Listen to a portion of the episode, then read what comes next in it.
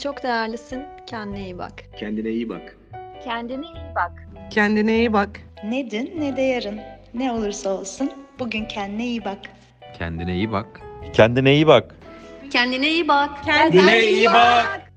Sen çok güzelsin. Kendine iyi bak. Kendine iyi bak. Kendine iyi bak. Kendine iyi bak. Sen çok değerlisin. Kendine iyi bak. Sen çok önemlisin. Kendine iyi bak.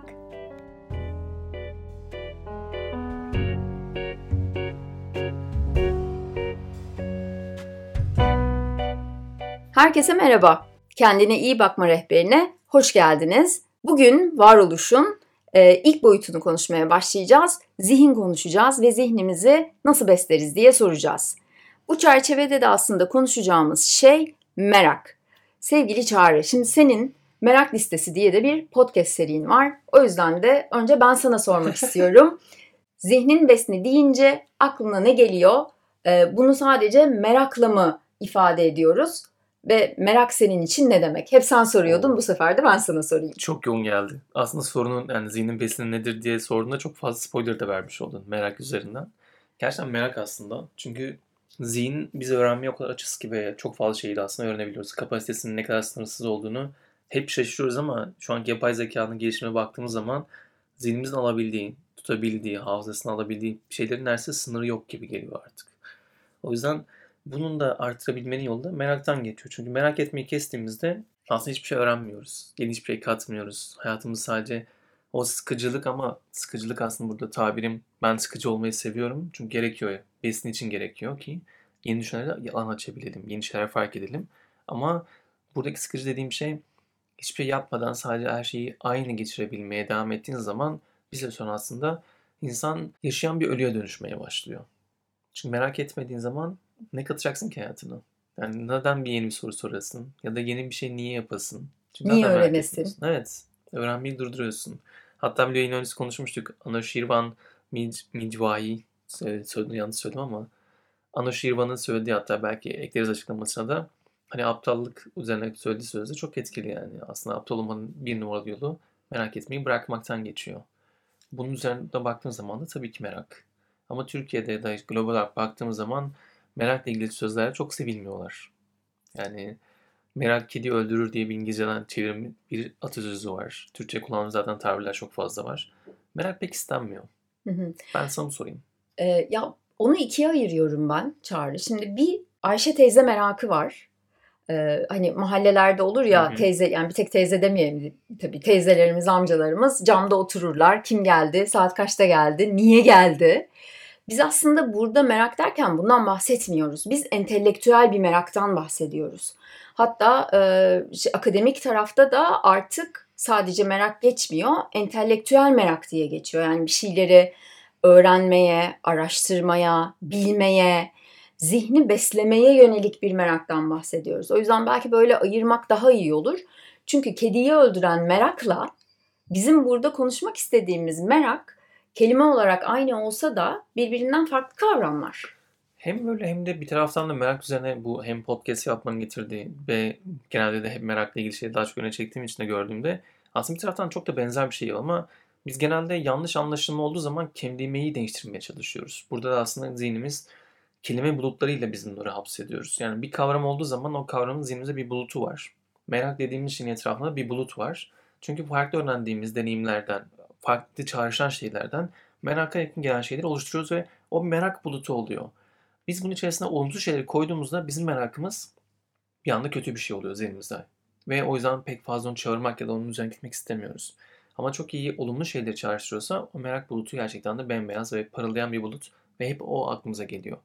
Ama burada da şey var işte entelektüel merak dediğin zaman önüne bir sıfat koyduğunda bu etkisini gösteriyor. Evet aa diyorum entelektüel kavramında da zihin bulutun buydu. Yan yana geldiği zaman daha güçlü bir şey. Ama merak zaten güçlü bir şey tek başına. Yani kedi öldüren merak diyoruz ama hani düşündüğün zaman Wright kardeşler uçağı bulması için pek çok insan uçmayı denerken öldü. Aslında bir taraftan merak öldürüyor da. Neden? Çünkü yeni bir şey deniyorsun ve risk alıyorsun. Bu riski alırken de farklı olmasını istediğin, hayata geçireceğin şeyleri yaparken bazı şeylerin karşında da kazalar yaşayabiliyorsun. Keza şu an en çok konuşulan kavramlardan, kişilerden birisi Elon Musk'ın SpaceX'i. SpaceX uzaya roketleri gönderip geri yerine indirmeye çalışırken kaç tane roket patladı, kayboldu. Ama hiçbir zaman yılmadılar çünkü her seferinde de o roketler kaza da yapsa kutluyorlar. Çünkü Evet. içindeki merak duygusunu söylüyor. Biz bir hata yaptık, o hatayı bulmaya çok yaklaştık. Bu hata neydi? O yüzden bazen diyorum ki ayırmaya da gerek var mı? Evet. Yani şimdi sen böyle anlatınca e, söylediklerini alıyorum kesinlikle ama bir taraftan da işte yine bende sanki o ayrım böyle çok arada keskin bir çizgisi olmasa bile birbirinin içine nüfus eden bir şey. Hı hı. Ama tabii ki merak aslında kelime anlamı olarak da tek. Biz Tabii sadece buradaki ayrım benim kafamda neyi merak ettiğine dair bir ayrım. Hı hı. Yani başka insanların hayatlarını merak edip aslında burnunu sokmaman gereken yerlere dahi onların sınırlarına girdiğin e, yerlere dair bir merak mı? Evet. Yoksa bu merak kendine yönelik bir merak mı? Yani bendeki ayrım bir başkasına yönelik bir merak mı yoksa kendine yönelik bir merak mı? O Ben bunu yüzden de. Evet yani o kendine yönelik merak benim çok hoşuma gidiyor. Ee, bu arada tabii bu şu demek de değil yani. Başka insanlara dair meraklarımız da olmayacağı anlamına gelmiyor. Benim en büyük merakım insanlar neden böyle davranıyor mesela? Evet Neden tam, bunu tam yapıyor? onu söyleyecektim. İlişkilerimize dair de merak etmiyor muyuz Çağrı? Yani bu sadece kadın erkek veya işte e, aslında aşk kadın erkek diye de ayırmak hoşuma gitmiyor benim. Romantik Evet, ilişkilerimiz. romantik ilişkilere dair ilişkilerden bahsetmiyorum. Her türlü ilişkiye dair de meraklarımız var. Yeni bir arkadaşımız olduğunda onu da merak ediyoruz. Bir sevgilimiz olduğunda onu da merak ediyoruz. Ya hatta hiç böyle belki yarım saatliğine girdiğimiz bir ortamda bile dikkatimizi çeken bir insan varsa onu da merak ediyoruz. Yani bu bizim özümüzde olan bir şey ve o bizi sürüklüyor Kesinlikle. ve zihnimizi de besliyor. Burada tabii hani merakın kelime anlamından da belki konuşabiliriz. Türkçedeki kelime anlamı tabii Arapçadan geliyor aslında. Yani onun şeyi ne şey yapamayacağım. Merak etmek olarak biz bunu kullanıyoruz. Ama benim e, me- anlatmayı sevdiğim tanım daha çok Latince olanı. Çünkü İngilizce'de curious. Bu köken olarak baktığın zaman aslında Latince'de kuradan geliyor. Kurada iyileşmek demek. iyileştirmek demek aslında. Merak zihni iyileştiren şeyler bir tanesi. Böyle baktığın zaman da çünkü biz aslında hep yeni şey öğreneceğiz ki kendimizi daha fazla iyileştirmeye, kendimizi keşfetmeye doğru bu merakımızı taşıyalım. O yüzden merak etmek benim için iyileşmek için adım atmak. Kendine iyi bakmayı yapıyor de meraksız zaten olmaz. Çünkü iyileşmek istiyorsan kendine iyi bakacaksan ya da iyileşmek değil ama var olan iyi olma halini koruyacaksan sürekli iyileşecek şeylere ihtiyacın var. Merak da bunun en güzel çözümü. Evet yani kendini de merak ettikçe de aslında işte bazen hiç böyle aklına gelmeyecek bir davranışta bulunuyorsun. Kendine hayret ediyorsun ya ben niye böyle davrandım diye. Bu da yine yani şu soruyu sormak bile o merakı e, beraberinde getiriyor. Çünkü ben niye böyle davrandım dediğin zaman bu sefer kendine dair o merak filizlenmeye başlıyor. Altını deşmeye başlıyorsun. Niye böyle davrandım acaba? Bana ne oldu? Yani belki karşıdaki e, çok normal bir şey söyledi ama bize öyle bir yerden tetikliyor ki hemen arkasından o merakı getirmediğin zaman işte zaten gelişemiyorsun, zaten iyileşemiyorsun, zaten temelinde de kendine iyi bakmamış oluyorsun. Ee, böyle merak tanımı üzerine bayağı konuştuk. Sana şey de sormak istiyorum. Sen merakla ilgili pratiğin nasıl? Ne gibi Hı hı. pratikler yapıyorsun? Ya pratiğe ihtiyacımız aslında çocukları gözlemlemek bana çok iyi gelen bir şey. Ben ilk gönüllü çalışmaya işte Bolivya'dayken bir e, yetim ve öksüz Türkçe'ye çevirirken zorlanıyorum ama e, yetim ve öksüz çocuklara destek olan bir dernekte başlamıştım. Ve çocuklarla hem basketbol dersi veriyordum hem de matematik dersi veriyordum. Ve onların gözlemlemek bana bir dil konusunda çok yardımcı oldu. Çünkü onlarla beraber İspanyolcamı çok geliştirdim. İkincisi sürekli soru soran bir grup var. Ve sürekli soru soruyorlar. Ve her yanıtın sonunda da neden sorusunu ekledikleri zaman bir süre sonra artık yanıt bulamadın. Artık bir süre sonra pes etmeye başladığın bir noktaya geliyor. Ve çoğu soruda bana çok etkileyici bir şekilde yansımıştı. Çünkü neden diye soru zaman içimde bir öfke duyuyorsam ben kendimi yetersiz hissettiğim için o öfkeyi duyuyorum. Ya da bazen öyle bir soruyor ki evet ya ben bunu niye düşünmemişim oluyor. O çocuksu merakı tekrar keşfetmek bence en önemli şeyden bir tanesi. O yüzden çocuklardan ilham almak bana çok iyi geliyor. Neden sorusu zaten ikinci sorak geliyor. Çünkü neden sorusunun yanıtını bulmak o kadar zor bir şey ki. O dedin ya niye ben böyle davrandım. Ama onun içinde işte farkındalık önemli. O yüzden biraz merak edeceğin konuları netleştirdiğin zaman hayatta bilgi her yerde olduğu için biraz böyle net bir şekilde nereden bilgiyi alacağını bilmek gerekiyor. O da farkındalıkla oluyor. Benim için belki de üç tane şey çocukları gözlemlemek, çocuklar ilham almak, neden sorusunu sürekli sormak. Üçüncüsü de benim için en azından kısıtlı bir zamanım var. Bu zamanda hangi konularda merak ettiğim şeyleri öğreneceğim. Bu da beni kişisel öğrenme alanına götürüyor. Bu üçü diyebilirim. Senin için nasıl bu süreç? Ben herhalde en çok tetikleyen şey kabullerimi yıkmak. Hmm. Ee, Yani eğer bir konuda önyargılarım varsa veya ona dair davranıyorsam buradaki kabulümü bir kenara bırakabilmek benim için merakı en çok tetikleyen şey ve en çok pratiği de burada yapıyorum galiba. Yani inandığım şeyler var, işte çocukluktan beri öğrendiğim şeyler var, anne babamın yansıması var. Benim kendi kendime oluşturduğum işte zihinsel modellerim var. Ama böyle bir şeyin içine sürüklendiğimi gördüğüm zaman ya benim buradaki kabulüm ne? Neyi kabul ettim? Yani ve bunu nasıl değiştirebilirim? Nereye evirebilirim? Bakış açısı benim merakımı ilk herhalde en çok kökleyen şeylerden biri bu. İkincisi de bunun arkasından e, şey diyorum Çağrı ben buna. Kalp atışımı hızlandıran her şey benim için merak konusu Heyecanlı değil mi? heyecan. Kesinlikle öyle. Yani böyle bazen işte bir arkadaşımla sohbet ederken böyle ufacık bir şey söylüyor. O beni o kadar çok heyecanlandırıyor ki biliyorum ki benim orada merak ettiğim bir şey var. Bazen bu merak kendime dair oluyor. Bazen öğreneceğim şeye dair oluyor. Ee, ama kesinlikle en çok tetikleyen şeylerden bir tanesi de bu. Ee, bir de senin neden soruna çok yakın bir şey söyleyeceğim ama şöyle bir de parantez açmak istiyorum orada. Türkçe'de nedenle niçin aslında birbirlerine çok yakın iki kelime. Ama bende hep şöyle bir ayrım var. Sanki bir şeye neden diye sorduğumda onu e, sorguluyormuşum gibi geliyor. Ama niçin diye sorduğumda sanki o amacına ve özüne dönük bir şey soruyormuşum gibi hissediyorum. Simon Sinek'in e, Start with Why diye bir şey var ya işte o da Nedeniyle başla e, nedenle şey. başla. Ben yine onu niçin diye eğitimlerde de çok kullanıyorum. Hep diyorum ki neden demeyin niçin diye. Hı hı. Niçin yapıyorsun sen bunu? Yani bir adım atıyorsun ama niye atıyorsun? Ee, bu da çok merakı benim için tetikleyen şeylerden bir tanesi. Evet. Niçin sanırım orada daha amacını da soruyorsun. Ne için diye Evet. sorduğun zaman yani sebebinden çok neden çünkü birazdan diğer anlamda sebep sebebinden çok amacına yönelik olduğunu konuşmak belki seni daha çok heyecanlandırıyordur. Bir de merakın tabii ki şunu konuşmadık ama söylediğin şeydeki o nedendeki şey merak otoriteyi zorlayan bir şey.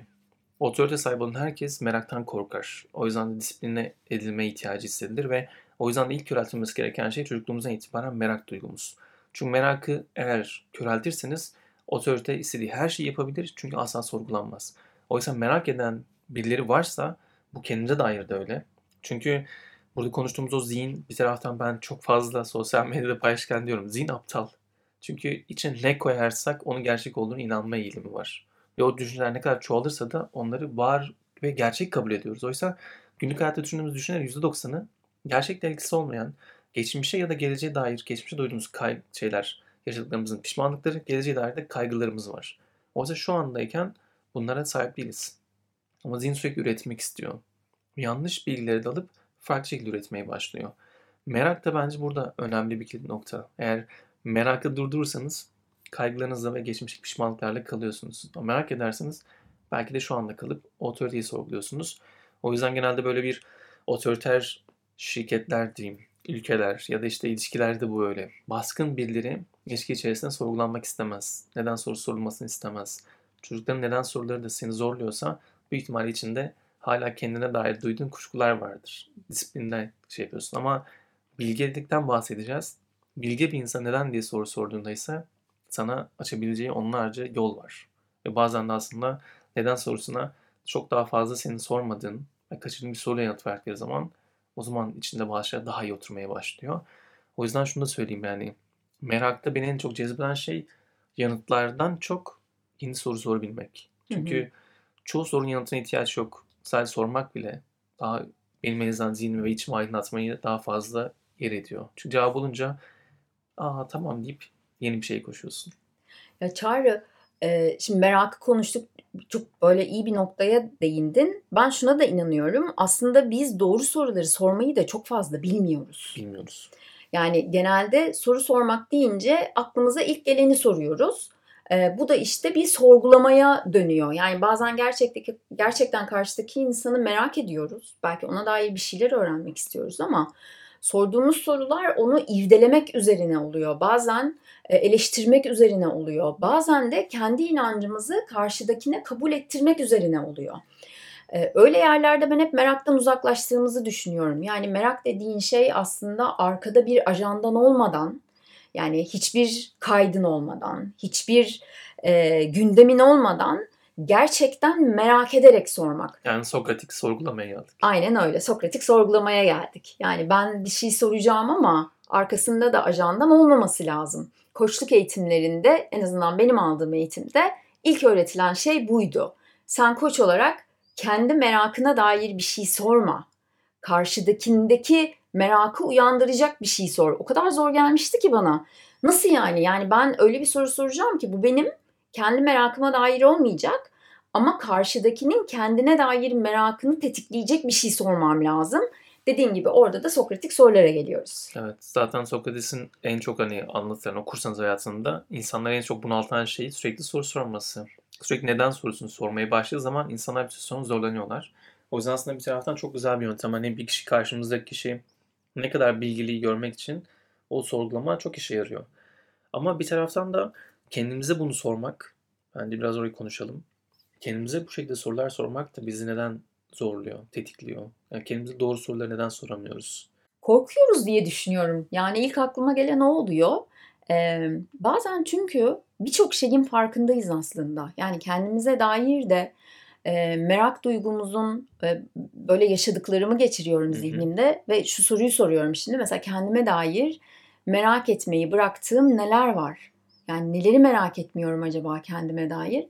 Buraya baktığım zaman da işte kendimi konfor alanında hissettiğim, değişmeye ihtiyaç duymadığını düşündüğüm, bazen gerçeği bildiğim ama onunla yüzleşmekten korktuğum yerlerde o meraka dair şeyimi kaybediyorum ve soru sormayı bırakıyorum. Çünkü zaten aslında biliyorum ne olduğunu. Ama soruyu sorarsam işte tetikleniyorum. Belki bulunduğum yerden gitmem gerekiyor. Belki içinde bulunduğum ortamı değiştirmem gerekiyor. Belki çok keskin kararlar almam gerekiyor ve hazır değilim. Hı hı. İlk bölümde aslında giriş bölümümüzde anlatmıştın ayağındaki ağrıdan. Evet. Öyle yani işte artık zihin biliyor ama sen şey var ya yuhari pencereleri bil, bilip bilmediğin evet. şeyler aslında biliyorsun ama bildiğinin farkında değilsin. Evet, bir de oradaki bilmek kelimesinde şey de var ya aslında bilmek onu uygulamadığın sürece aslında öğrendiğin anlamına gelmiyor. Öğrenmek için uygulaman gerekiyor. O yüzden birçok şeyi biliyoruz ama hafızandan onu çağırdığın zaman uygulayamıyorsan, harekete geçiremiyorsan aslında sadece bilgi olarak orada duruyor. Hiçbir şekilde öğrenmeye dönüşmemiş o. Cümle içinde kullanamıyorsun. Evet, olmuyor. Bu benimle günlük hayatta ne işime yarayacak? Evet evet yani cümle içinde kullansan da bazen doğru yerde de kullan kullanamıyorsun kelimeyi. Hani biliyorsun ama Kesinlikle. anlamını bilmediğin için veya kendi içindeki o anlamla meç edemediğin için onu yanlış yerde kullanıyorsun. Hı hı. Bu arada senin aslında şeyini böldüm ama çok güzel noktan sonra korku demiştin yani merak hı hı. konusunda. Benim içinde bir taraftan aslında günlük hayatın geçirdiği koşuşturma içerisinde zaman ayırmıyoruz. Yani meraklarımıza zaman ayırmak bize aslında şey gibi geliyor biraz. Zulh diyeceğim ama yani gereksiz geliyor çoğunlukla. Çünkü neden aslında tek başına kalırsın? Yani sosyal medyada vakit geçirmek varken, Netflix'te televizyon izle, şey izlemek varken, çünkü herkes popüler olarak onu konuşuyor. Twitter'a girip saatlerce birilerine kızmak varken. Ya da haberleri izlemek ya da işte başka insan hayatlarına dair olan magazinsel şeylere bakmak varken niye kendine bakasın? Bunlar aslında çok güzel bir savunma sistemi oluşturuyoruz kendimize. Mekanizmamız var ve kendimizi hep uzak tutuyoruz. Oysa aslında merakı arttıran, cezbeden en önemli şey canını sıkılacak vakit yaratmak. Bu konuda Charles Eisenstein var. Dünyaya daha iyi bakabilmek miydi? Kitabını unutuyorum adını hep ama ve onun açıklamasını eklerim bölümün zaten. Orada şey örneğini veriyordu. Yerliler sanırım işte Papua Yeni Gine'deydi. Yerliler gün batımına yakın böyle oturuyorlarmış sahilde ve sadece oturup duruyorlarmış. Ve sadece uzaktaki ufu izliyorlar. Charles şaşırmış neden bunu yaptıklarını falan sor zaman da bazen demişler ufuk şeyinde ufuk çizgisinde bir gemi gözüküyor. Bazen o gemi uzun süre kalıyor, yok oluyor. Onu izliyoruz demişler. Demişken diyor ki nasıl yani sadece oturup gemiyi mi izliyorsunuz? Ve bazen hiç gelmeyecek bir gemiyi mi? Evet diyorlar. Ve o kadar rahat ve keyifli izliyorlar ki çok önemli bir şey. Çünkü onu izlemeye başlayınca kendi düşüncelerinle berabersin. Susuyorsun ve beraber aslında kendi düşüncelerine bakmaya başlıyorsun. İşte o zaman merak tetikleniyor zaten.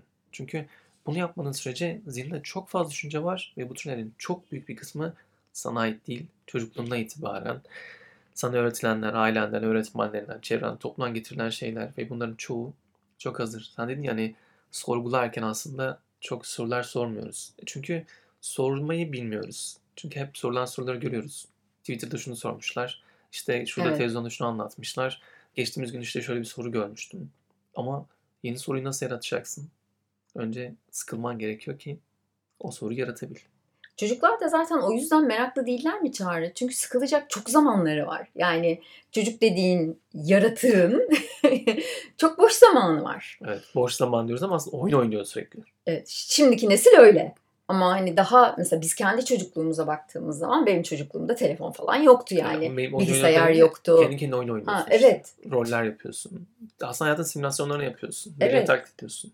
Ve işte orada da merak tetikleniyor. Çünkü o simüle ettiği hayatta bilmediği de bir sürü şey var. O yüzden de merak da oradan tetiklenmeye başlıyor.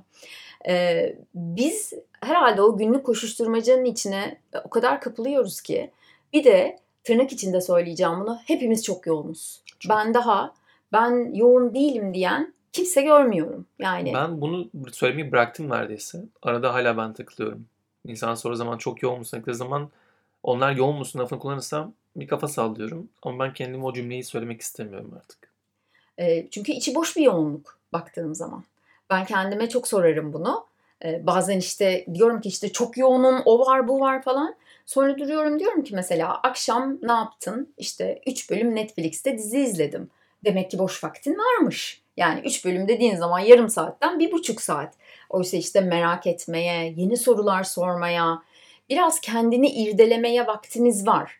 Ama işte o e, koşuşturmacanın hani o işte sanal koşuşturmacanın içinde e, buna alan tanımıyoruz. Kesinlikle. Ya tanımadığımız zaman da işte o zaman kendine dair sorularda çok basit ve yüzeysel kalıyor. Derinlemesine olmuyor. Çünkü biz şunu konuşmadık ama zihnimizin çok güzel bir bariyeri de var. Biz ne soru sorarsak soralım bizi ikna edecek güce sahip. Elinden her şeyi çıkartıp bize bunları gerçekten net bir şekilde sunabiliyor. Yani argümanı bizim kazanabilmemiz zihnimize karşı konuştuğumuzda çok zor. İmkansız bence. Çünkü bazen konu konuyu açıyor. Bir anda diyorum ki bu soruyu niye sormuştum ya zaten gerek yokmuş. O yüzden de bence yöntem mesela merak konusunda en keyifli yöntemlerden bir tanesi yazmak. Evet. Çünkü zihnimizde olanları yazmayı başladığımızda görmek inanılmaz bir etki yaratıyor ve zihni dönüştürüyor. Çünkü sen yazdığın zaman bu sefer artık o kağıda geçiyor ve somutlaşıyor, soyut olmuyor. O zaman işte zihni ikna etmek, dönüştürmek kolaylaşıyor. O yüzden ben mesela her gün kalktığımda bir tane soru bulmaya çalışıyorum güne dair ve bu soruyu bir yere yazmaya çalışıyorum. Bu benim yöntemim değil. Bunu Marcus Aurelius da Stoacılar da zamanında yapmışlar. Yani her gün aslında birilerine yazmış. Yazma sebebi önce kendisine ders çıkartmak. E bunu yaparken kendisinden sonra geleceğini düşündüğü kişiye de bir nevi armağan olarak bırakıyor. O yüzden yazmak o soruların gücünü inanılmaz arttırıyor. Somutlaştırmayı başlıyor ve merakı daha da genişletiyor. Tam ben de onu söyleyecektim Çağrı. Yazmak bana da çok iyi geliyor.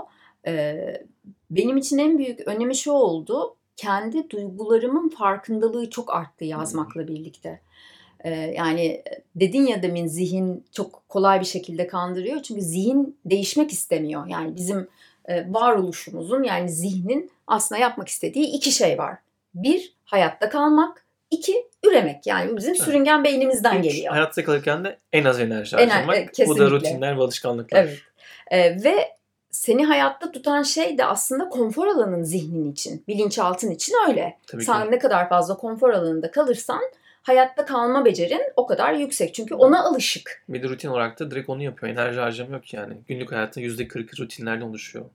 Bilmiyorsun Kesinlikle. yani. Araba kullanmayı tekrar tekrar öğrenmiyorsun. Müthiş Evet. bir enerji kazanımı. Hatta bazen yola çıkıyorsun eve nasıl geldiğini bile Değil mi? fark etmiyorsun. Çünkü yine minimum enerji ve seni en bildiğin yoldan getiriyor. Ama zihnin bu hali bir taraftan da seni gelişmekten alıkoyuyor. Hatta iyi olmaktan alıkoyuyor. O yüzden de e, o tarafı da beslemek, yani o tarafa da bakmak, işte o merak sorularını ortaya atmak, merakı beslemek e, kesinlikle hani konumuz hep şeyden geliyor ya kendine iyi bakma rehberi.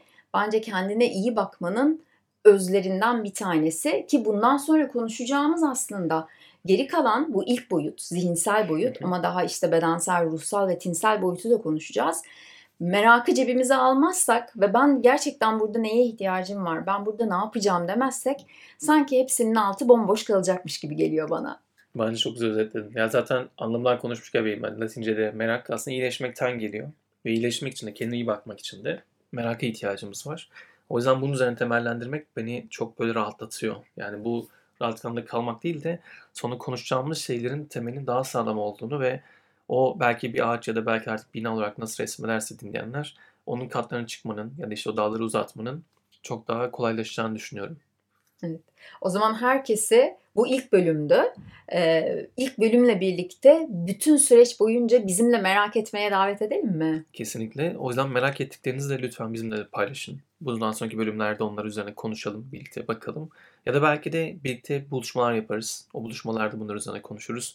Ki bir taraftan çünkü sadece ikimiz değil bir topluluk olarak hareket etmek, o topluluğu beslemek de bana çok önemli geliyor. Çünkü topluluklar sayesinde aslında daha da keyifli bir şekilde ve belli soruların peşinden koştuğumuz o meraklarımızı daha doyurabiliyoruz. Bir de sadece kendine iyi bakmak da yetmiyor Çağrı. Yani sen hem kendine iyi bakman gerekiyor hem etrafına da bir şekilde o iyilik halini de ulaştırman gerekiyor. Çünkü hep birlikte daha iyi oluyoruz. Kesinlikle. Yani zaten tabi burada teyide sen koyuyorsun aslında metnin altında söylediğin şeyin içine biliyorum.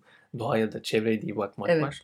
O da zaten hep konuşacağımız konular bir tanesi olacak. Kesinlikle öyle. O zaman birinci bölümümüzü değil de hatta ikinci bölüm diyelim. Sıfırıncı bölümümüz vardı. Bu da birinci bölüm oldu. O yüzden ben çok keyif aldım. Sizden de yorumlarınızı bekliyoruz. Bir sonraki bölümde de artık hangi varoluşsal boyut konuşacağımızı bölümün adından göreceksiniz.